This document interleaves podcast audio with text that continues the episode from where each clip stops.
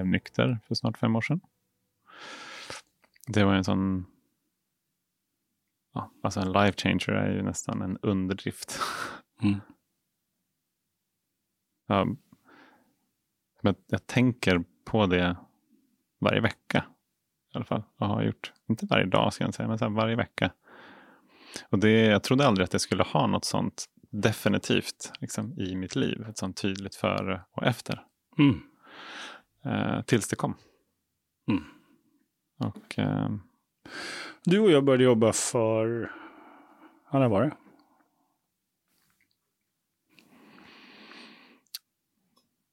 kan det ha varit då, lite drygt två år sedan. Mm. Augusti. Och vad, vad hände sen, sen dess, tänker jag?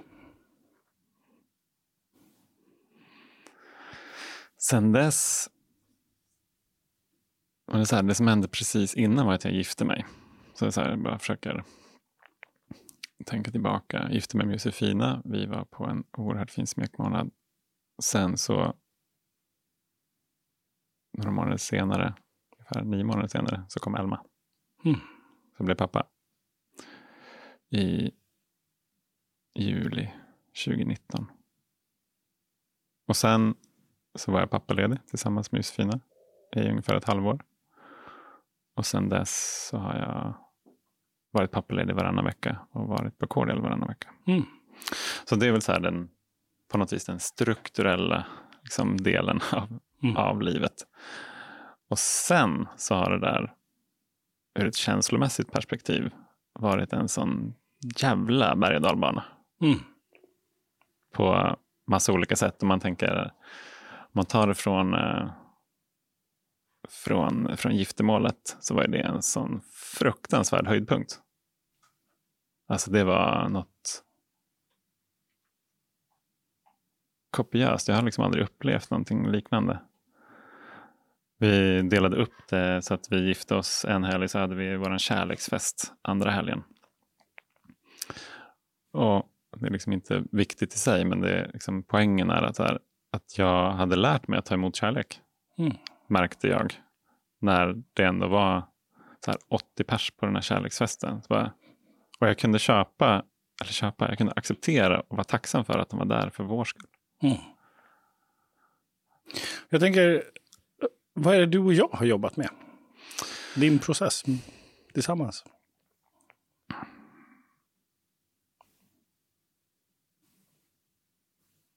Livet. Ja, det där lilla. det där lilla livet. Ja, mer specifikt.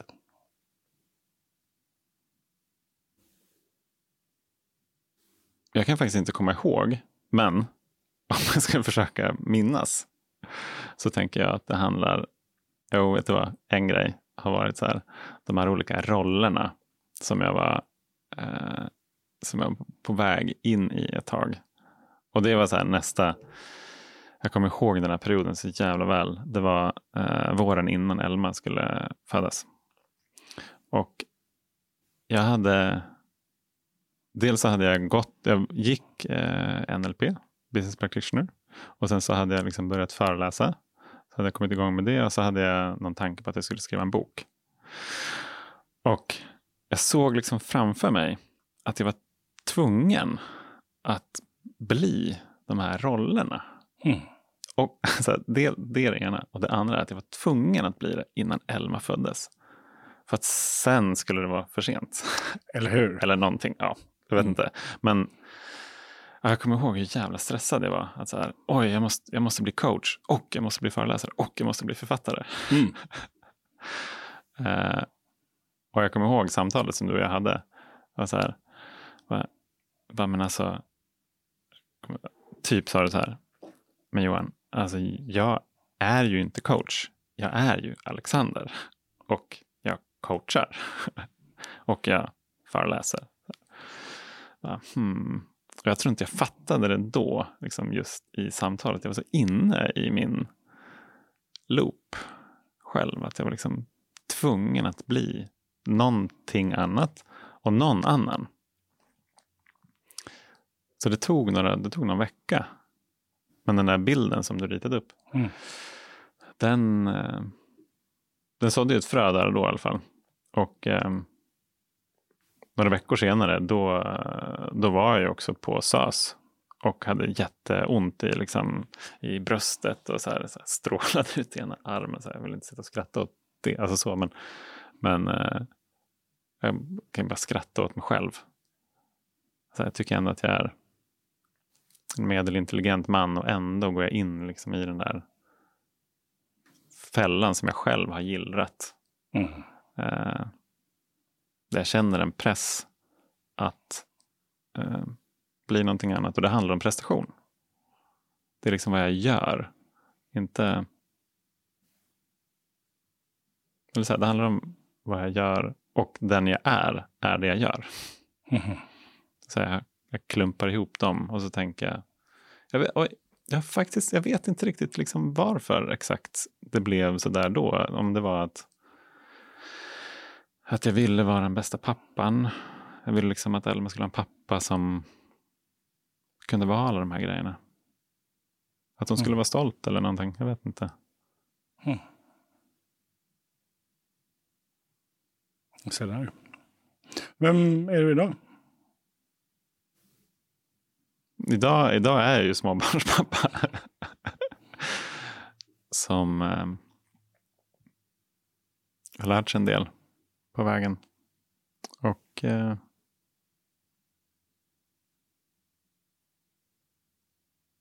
Ja, vem är jag idag?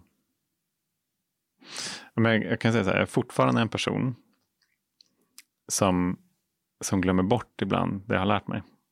Mm. Som, som glömmer bort att, eh, att jag inte behöver eh, prestera för att bli omtyckt. Eh, jag är ganska duktig på det, på att prestera. Alltså. Så att ehm, när jag känner mig orolig och rädd ibland så går jag in och gör det istället. Det gjorde jag till exempel i våras. Ehm,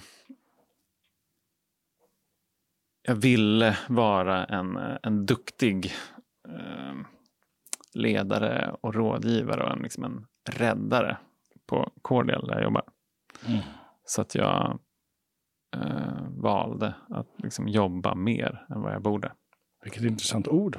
En räddare. Mm. Nej, men det var precis det finns dubbel betydelse i det ordet. Mm. Någon som är väldigt, väldigt rädd. Ja, absolut. Ännu räddare mm, än mm, alla andra. Exakt. Och en räddare. Mm. Mm. Ja, men det är nog därför det passar ganska bra. Tror jag. Verkligen. Du, eh, så när du är orolig och rädd mm. så hamnar du i prestation. Ja, det är Och när du hamnar i prestation, då vill du vara duktig. Mm. Ja, jag vill ju prestera. Mm när jag hamnar i prestation. Så vem blir du, du då?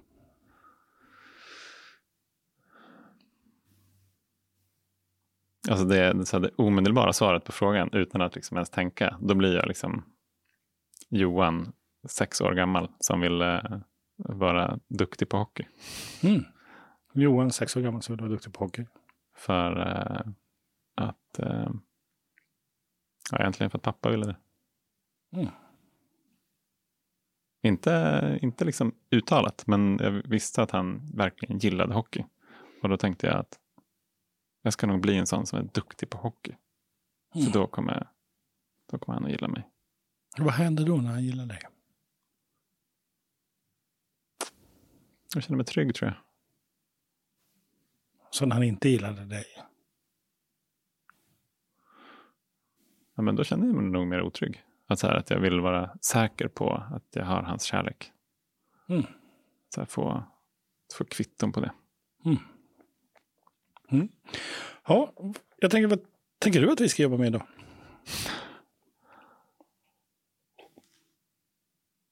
Men inför det här samtalet så har jag tänkt, jag tänkt mycket, såklart. Och jag har varit i allt ifrån eh, meningen med livet till 40-årskris. Eh, och jag har ju någon slags eh, säkert naiv eh, tanke om att jag kanske inte har någon 40-årskris. Så det skulle vara intressant att prata om det. Om din, din förnekelse av en potentiell kris? ja, precis. Okej. Nej, men, och, och jag tror att det hänger ihop med, så här, med frågan vad ska jag bli när jag blir stor? Mhm. Ehm, för jag tänker så här, när man fyller 30, ja, alltså, ja, man kanske är vuxen, fast man är inte 40 än. Eh, jag, jag tror ändå att så här, 40 är, för mig i alla fall, en, eh, en, en milstolpe där jag så här, onekligen har klivit in i vuxenlivet. Ah, Okej, du har ingenting att skylla på längre? Nej, precis. Mm. Nu är du Det är 40. liksom så här, du är fan 40 bast. Eh, om man är så här, om man är 30 så bara, ja, ja, jo, men han har precis varit 20 någonting. Så att det är okej. Men, men nu, nej precis, jag har ingenting att skylla på. Jag, jag måste bara dubbelkolla en grej. Eh, ehm, vad, vad tänker du om att vi grupperar kriser i ålderssjok? Egentligen tycker jag det är ganska tramsigt. Mm. Eh, men jag förstår också varför. Eh, för att men jag tror att i våra egna liv så blir det liksom, det blir ganska lätt att dela upp i så här, men det här är så här, när jag var 30 någonting, det här är 40 någonting, alltså att jag så här kategoriserar mitt eget liv Mm. utifrån det. Och om många gör det, då är det ganska lätt att man så hamnar i, i en kris när man gör en switch över till nästa tio års sjok. Okej.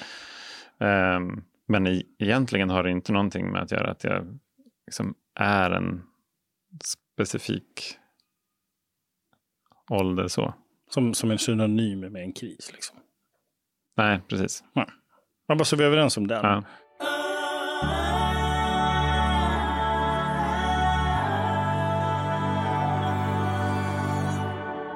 Så vad, hur ser din 40-årskris ut?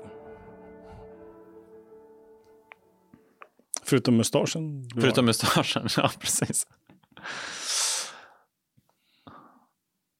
Ja, men hur ser den ut? Alltså jag...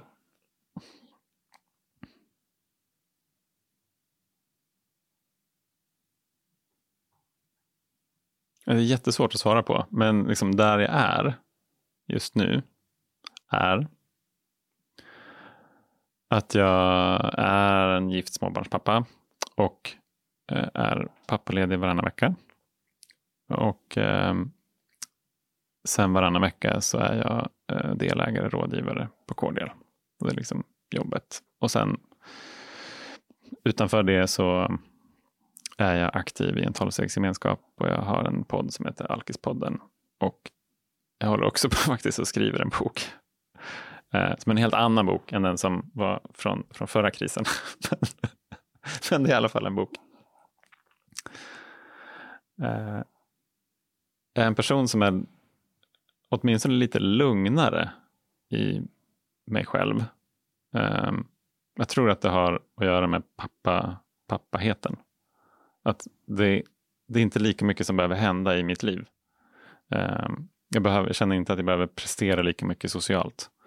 Um, jag eh, är inte lika intresserad av sociala medier till exempel. Uh, jag vill helst inte vara där. Men det finns en sån liksom annan underliggande grej. så här, Okej, när, jag, när jag är 40 då, då ska jag ju veta vad jag ska göra med mitt liv. Om, om allt liksom dit, hit intill slash dit intills har varit ett utforskande. Då känner jag att så här, nu borde jag veta.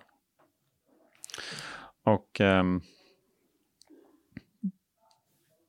det kanske jag vet. Men jag vet inte det helt. Mm. Eh, sen så utmanar jag också mig själv i tanken så här. Det är bara trams. Att jag skulle så här vid en given tidpunkt veta vad jag ska göra resten av livet. Alltså jag, förhoppningsvis så lever jag ju länge, men säg att jag kanske lever tills jag är 80 då. Då har jag levt halva livet nu. Och det har ju hänt ganska mycket under den här första halvan. Så varför skulle det inte kunna hända lika mycket till Så är du rädd för? Andra halvan? Ehm, jag tror att det finns en rädsla i att eh, missa någonting. Att, eh, att, eh, ja, men så här, att gräset faktiskt skulle vara grönare. Som om jag gör någonting annat. Mm. Eh, och det, det tror jag hänger ihop med, liksom med, med åldersaspekten.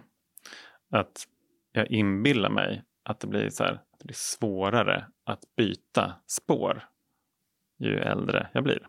Mhm. Eh, att så här, under 30, 30-talet, så här, där är det så bara ut och testa, utforska och sådär. Men, här, men nu, ska man, nu ska man veta det är liksom inte bara att byta. Mm. Så jag tror att det där, det där hänger ihop med eh, att jag, ja, men om någon dag så har jag varit 11 år på Cordial. Till exempel. Och då tänker jag så här, ja men herregud, 11 år, ska man vara så länge? Och så här, ja, är det det jag ska göra nu då? Så här, när, om jag vill byta, när är det för sent? Mm. Det kan jag känna en sån, en sån, ja men det är nog en oro tror jag. Men när jag analyserar, och liksom, eller analyserar, när jag tänker på det jag gör och det där jag är, så trivs jag. Så din oro är? Att det skulle kunna vara bättre någon annanstans. Och att jag missar det. Mm. Hur gammal är Elma idag? Elma idag, hon är snart 15 månader. Så drygt ett år. Mm. Spännande, för då har vi en eh, femårscykel här att prata om. Ja, spännande. Mm. Då tänker jag så här Johan. Ehm, när Elma är sex år gammal, Mm. vilken pappa vill du vara för Elma då? Mm. Ja, det var en jävligt bra fråga faktiskt. Eh, ja, men jag vill vara en pappa som, är, som har tid eh, med henne, som är närvarande. Och som är, som är lycklig i sitt liv. Som är, eh, som är så här, tillfreds. Mm. Eh, som inte jagar någonting. Nästa Vem är det grej. du beskriver nu? Vem är det jag beskriver? Eh.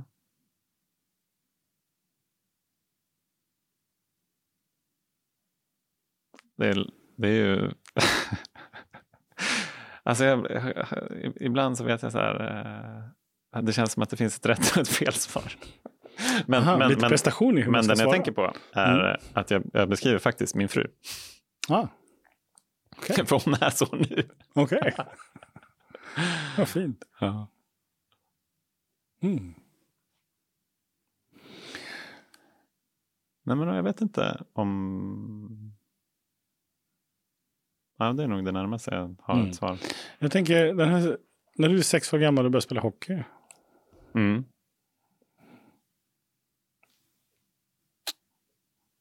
Mm. Hur vet du att det är din pappa? Att din pappa vill att du ska spela hockey? Men för att han är så oerhört intresserad av hockey. Okej, så han är jätteintresserad av hockey. Han är superintresserad av hockey. Mm. Och vad hände för dig då?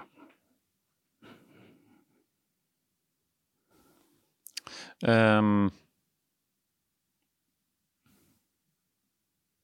Ja, vad hände? Uh, det så började jag ju faktiskt spela hockey. Okej. För, för hans skull mer än för din skull? Jag vet inte Nej. faktiskt. Jag tror att det var båda. Det var också någonting som, alltså man kommer från Timrå så är det ganska många som, som spelar hockey. Mm. Eh, men det var, det var liksom uppenbart eh, ganska tidigt att det var så här, det var någonting som pappa verkligen gillade. Hur märkte du det? Ja, men dels för att han så här, blev materialförvaltare och tränare och så här, var med på alla träningar och kollade på, så här, och ville, alltså, han pratade väldigt mycket hockey. Okay. Så, så det var ett sätt att vara med pappa? Ja, absolut. Och hur var det? Hur länge spelade du hockey? Så det var ganska länge, det var väl eh, åtta år kanske. Mm. De åtta åren, hur var det? Det är ju vad blir det? 14?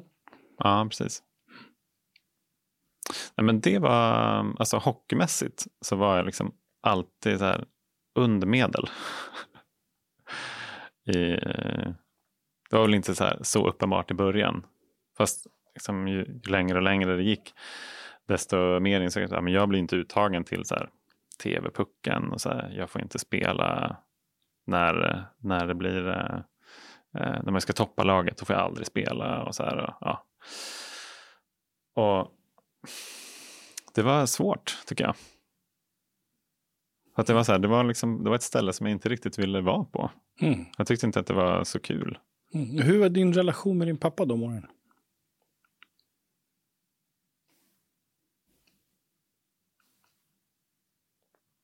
Jag vet inte. Det är svårt att svara på det faktiskt. Eh, så vi umgicks ju mycket runt det. Eh, och sen så när det inte var det, då kunde vi, då var, det var ofta någon slags fysisk aktivitet. Så, så här, antingen vi spelade fotboll kanske, eller så tränade slagskott eller så här, ja, Mm. någonting. Och, så hur var din relation med din pappa de åren?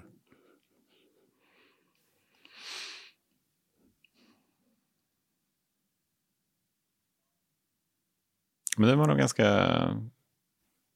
var liksom upphängd på, på hockeyn. Och, och delvis fotbollen, men mest hockeyn. Så vad hände när du slutade spela hockey?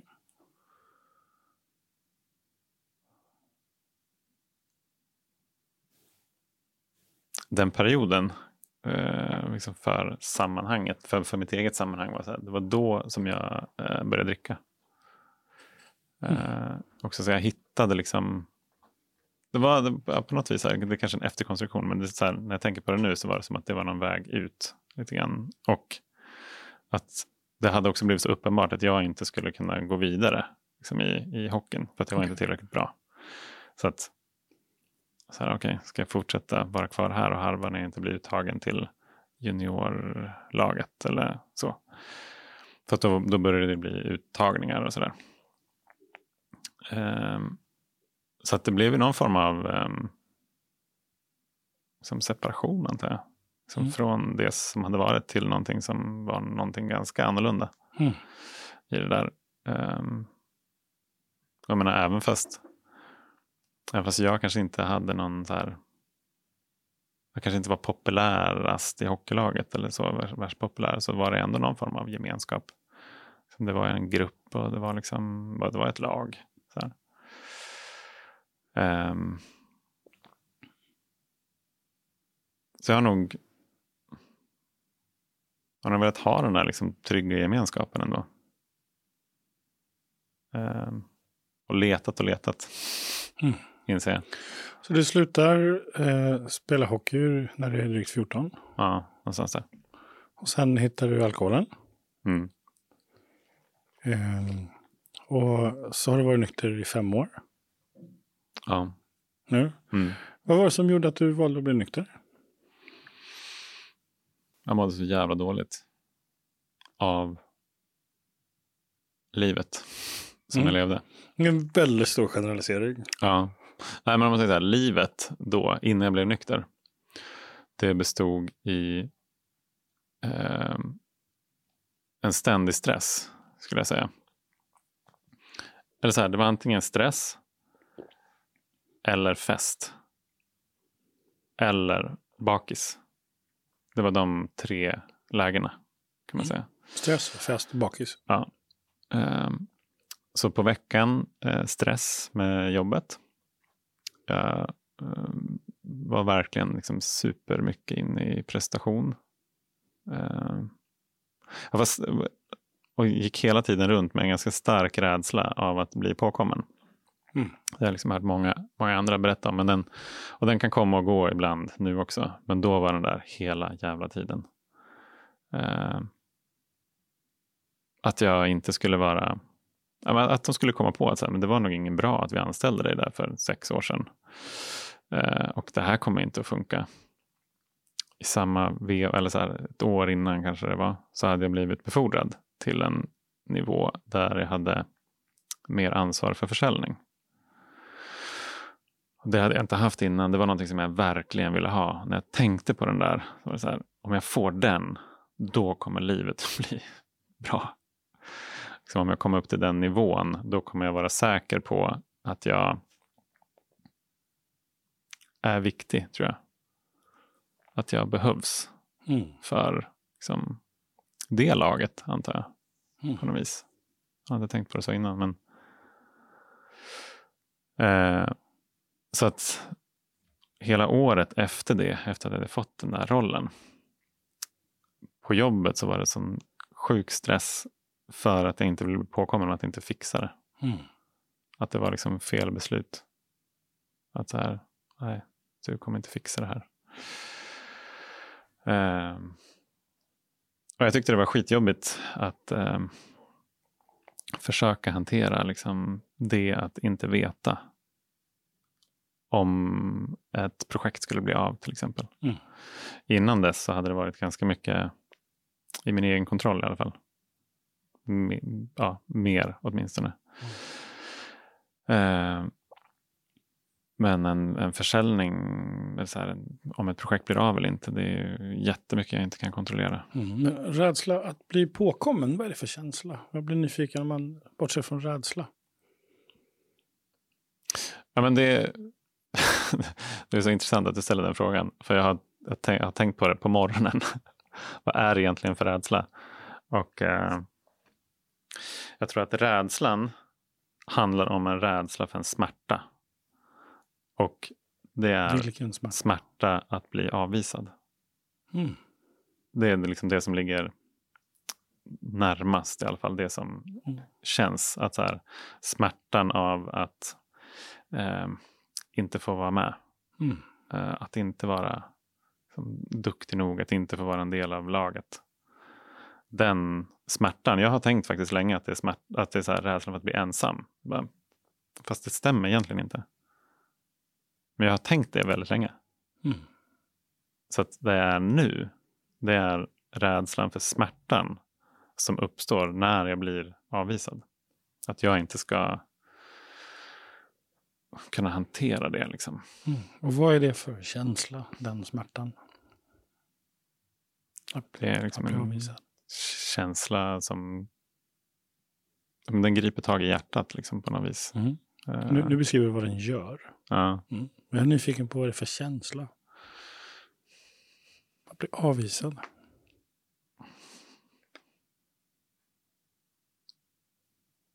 mm. Det är en känsla Men det, det som jag tänker på är så känslan att inte duga. Mm. Att inte vara bra nog. Att inte... Vara tillräcklig. Ja, absolut. Alltså att inte, ja, precis, att inte vara tillräcklig som jag är. Mm.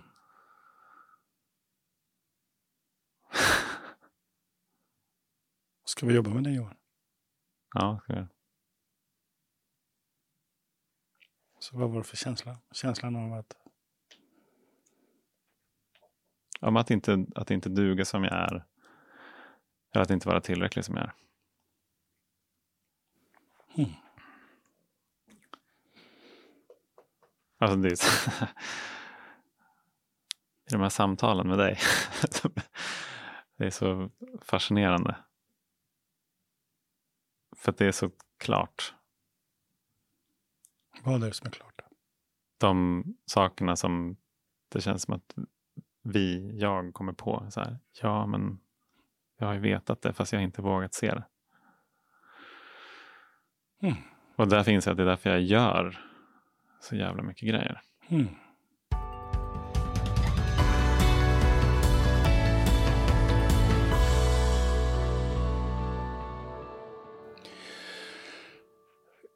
Bara testa en liten mental, eller en...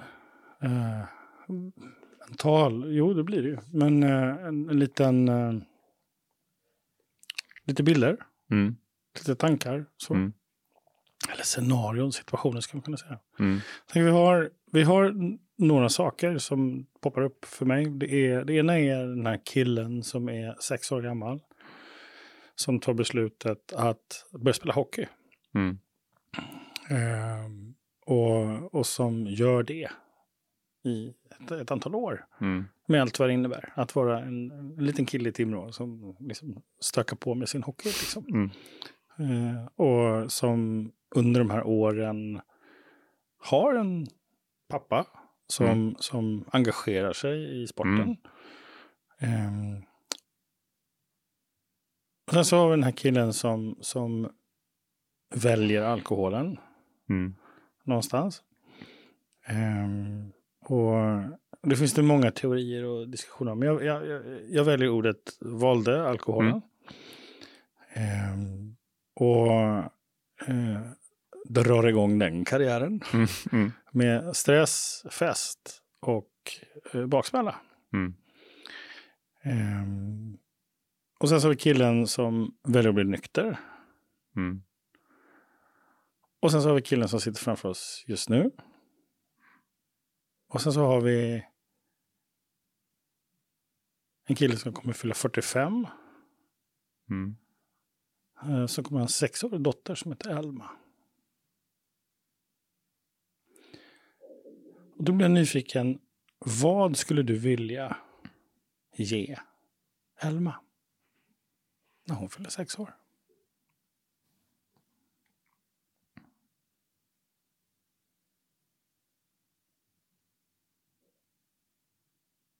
Jag tänkte så här, ingenting speciellt. Ehm.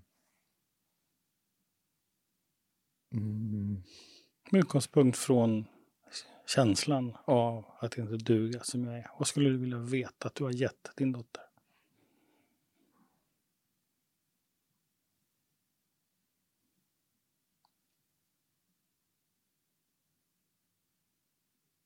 Jag skulle vilja veta att hon... Eller jag skulle vilja att hon vet att hon är prioriterad. Att hon är viktig. Mm. Att hon är den som pappa helst av allt vill spendera tid med. Ehm. Och att, att det finns andra saker som, som jag som pappa som gör, Mm. vill göra. Men att, att hon har en självklar plats. Hur ska hon kunna lära sig det, undrar jag. Genom att jag är med henne varje dag. Visar det. Okej. Och eh, Så hur, hur lär man sig att man är prioriterad? jag tänker att man prioriteras. Mm. Eh,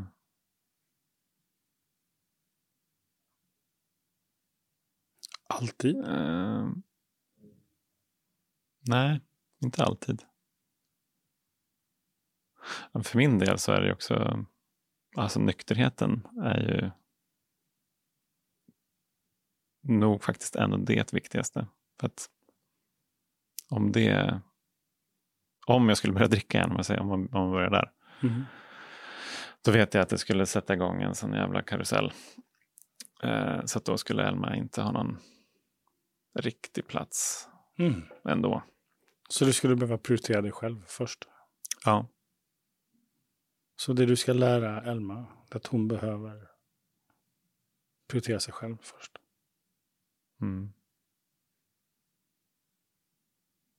ja det är väldigt klokt. Så hur ska du lära henne det? är jag nyfiken på.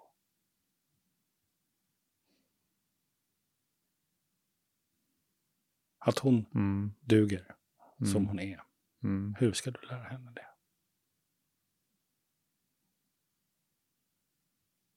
Jag vet inte. Genom massa olika saker. Dels Men dels genom att visa att, att jag gör det och Josefina gör det för sig själv. Mm.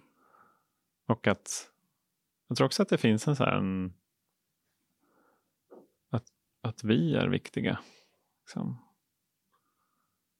Som ett par, mamma och pappa. Eller att vi inte bara är mamma och pappa utan vi är också Johan och Josefina Mm. som är gifta. Så genom att visa att ni prioriterar varandra. Ja. Mm. Mm. Och att ge henne hennes space och tid. Och liksom vara nyfiken på vad hon vill utforska. Mm. Så vad, vad hon vill göra, vad hon, vad hon tänker, vad hon känner. Mm. Jag följer med. Ja, Mm. precis. Inte styra så mycket. Mm. Ibland. Vara, ja, men vara där. Alltså, så här, jag tänker så här, ge ramar. Mm. Men med frihet inom ramarna. Hur vet du att du duger som du är Johan? Jag har ingen bra svar på det. Ehm. Ibland känner jag att jag gör det. Mm. Hur gör du då? När jag känner att jag duger som jag är. Det här, mitt, mitt tillstånd är liksom att jag är, är lugn. Mm. Ehm, så till exempel om jag har mediterat eller om jag har att jag är liksom i kontakt med, Mhm. med mig själv. Då, då känner jag att det inte behövs någonting annat. Mm. Det, är, det är lite som... Jag hade en, var typ igår, tror jag, som jag hade liksom en sån känsla. Att det är ungefär som att jag så här, tar ett steg tillbaka från illusionen. Mm. Illusionen om allt som jag behöver göra eller hur saker och ting är. Eller att, att någon tycker någonting eller vill någonting. Eller, eller, hur, eller hur personer är. Allt det där som, Vad, som, som lätt kan bli sanningar. ja, vad jag tycker det låter som det är när du hamnar i eh, en situation så tar du ett steg bakåt och går ur det. Ja, precis. Eh, och väljer att inte veta så mycket. Mm. Ja, precis. Då är det mer som att jag kan, så här, jag kan iaktta Mm. situationen. Så. Så du blir mer en observatör Ja, exakt. av dig själv. Ja. Precis. Mm. Och, i, och ibland får jag till det under dagarna. Mm. Liksom. Eh, Hur gör du det? Det är nyfiken på. Så hur gör du för att få tillgång till det under dagarna? Så att du får fatt i känslan av att du duger som du är. Det, för mig handlar det jättemycket om hur jag börjar dagen. Mm. Eh, att jag börjar dagen med, och det behöver inte vara någon så här jättelång meditation eller någonting. Utan det, men jag behöver sitta ner i lugn och ro. Och eh, jag läser de här senaste två månaderna typ. Så har jag varje morgon läst ett stycke från eh, Stora boken. Som handlar om att, att eh, liksom skapa en närmare kontakt med Gud. Mhm. Och det handlar om att, ehm, att planera sin dag, eller så här, inte planera sin dag, men så här, tänka på sin dag. Att sätta liksom rätt, rätt startpunkt för dagen. Och innan man ens börjar med att tänka på dagen så, så är uppmaningen att man ska, man ska be Gud om att styra tankarna rätt. Så bort från så här självömkan och oärlighet och rädsla till exempel. Och det som jag under de här dagarna har liksom tolkat in i det där är så här, okej, men bort från rädsla och till kärlek. Så att så här, om jag kan om jag kan göra en, en meditation eller bön om att så här, hjälp mig att här, tänka på världen på ett kärleksfullt sätt. Då kan jag möta världen så också. Mm. Eh, så att om jag inte tänker att så här, världen är orättvis, de vill säkert att jag inte ska fixa det här eller de är på mig eller ja, alla de här sakerna som kan snurra hos mig i alla fall. Om jag liksom påminner mig själv om att det inte är sant och att jag kan möta världen kärleksfullt, då har jag i alla fall skapat mig själv en bra startpunkt. Mm. Och vad händer ifall dagen. du glömmer det? Ifall du springer rakt ut i en stressad vardag och så sitter du på en tunnelbana eller på en buss någonstans och så sitter du med känslan av att du duger inte som den du är. Mm. Hur ska du göra för att få fatt i motsatsen? Men jag behöver påminna mig själv liksom, på något sätt. Ofta blir jag påmind av att det smäller. liksom, att, här, att det går fel, att jag har... Eh, ofta är det jag som så här, kan vara alldeles för så här, kort i, liksom, i någon... Bara, oh shit, var, var kom det där ifrån? Så får jag be om ursäkt till den här personen. Så bara, just det, vart är jag någonstans? Alltså det är så här, jag blir påmind av mitt eget beteende. Mm. Det vill jag ju helst inte. Utan jag skulle helst av allt vilja hålla kvar i den där liksom, kärleksfulla... Så när du har uppmärksamhet på dig själv, Ja, precis. Då har jag ju möjlighet att på, påminna mig själv om liksom vart jag mår bra. Mm.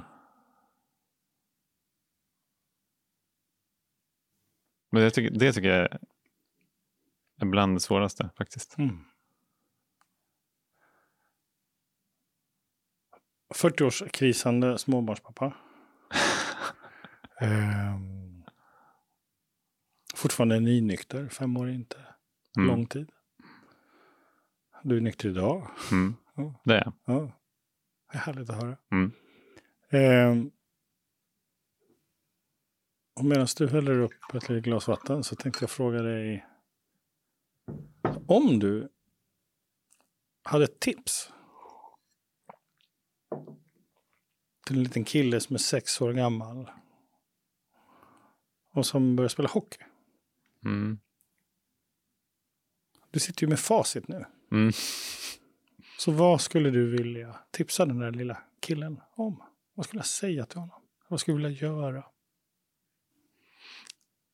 Jag säger bara det som spontant dyker upp. Ja, men jag skulle tipsa honom om så här, gör det du själv vill. Så här, le, leta efter någonting som du själv tycker är kul. Om det är hockey, fortsätt med hockey. Mm. Men testa någonting annat Mm. också. Så här, pappa kommer vara kvar. Mm. Han kommer inte att försvinna. Pappa kommer vara kvar. Pappa kommer vara kvar. Och om det var så att du kunde gå fram till honom. Mm. Jag vet inte om du kommer framifrån eller vid sidan. Framifrån. Framifrån. Mm. Ja. Och så går du fram till honom och så håller du om honom. Mm. Och så viskar du någonting i hans öra.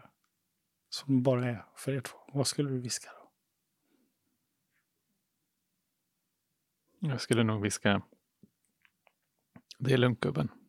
Mm. Jag vet hur du känner. Det är lugnt gubben. Jag vet hur du känner. Och, så, och att det kommer bli bra. Och det kommer bli bra. Och så hör han vad du säger. Mm. Hur vet du att han har hört vad du säger? Hur ser du det på honom? Jag ser det i ögonen. Mm. Att det liksom glittrar lite. Som dina just nu. Mm. För just nu glittrar dina Mm. ögon Johan. Du, ehm, så vad tar du med dig efter idag?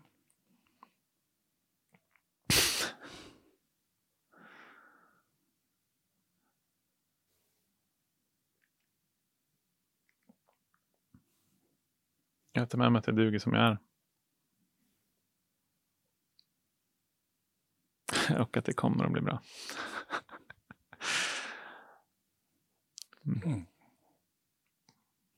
Tack Johan. Tack. Vill du gå i coachning hos Alexander? Så bokar du på alexanderholmberg.se. Den här podden är inspelad på och producerad av Knutfabriken. Vill du ha hjälp att spela in och producera podd? Gå in på knutfabriken.com.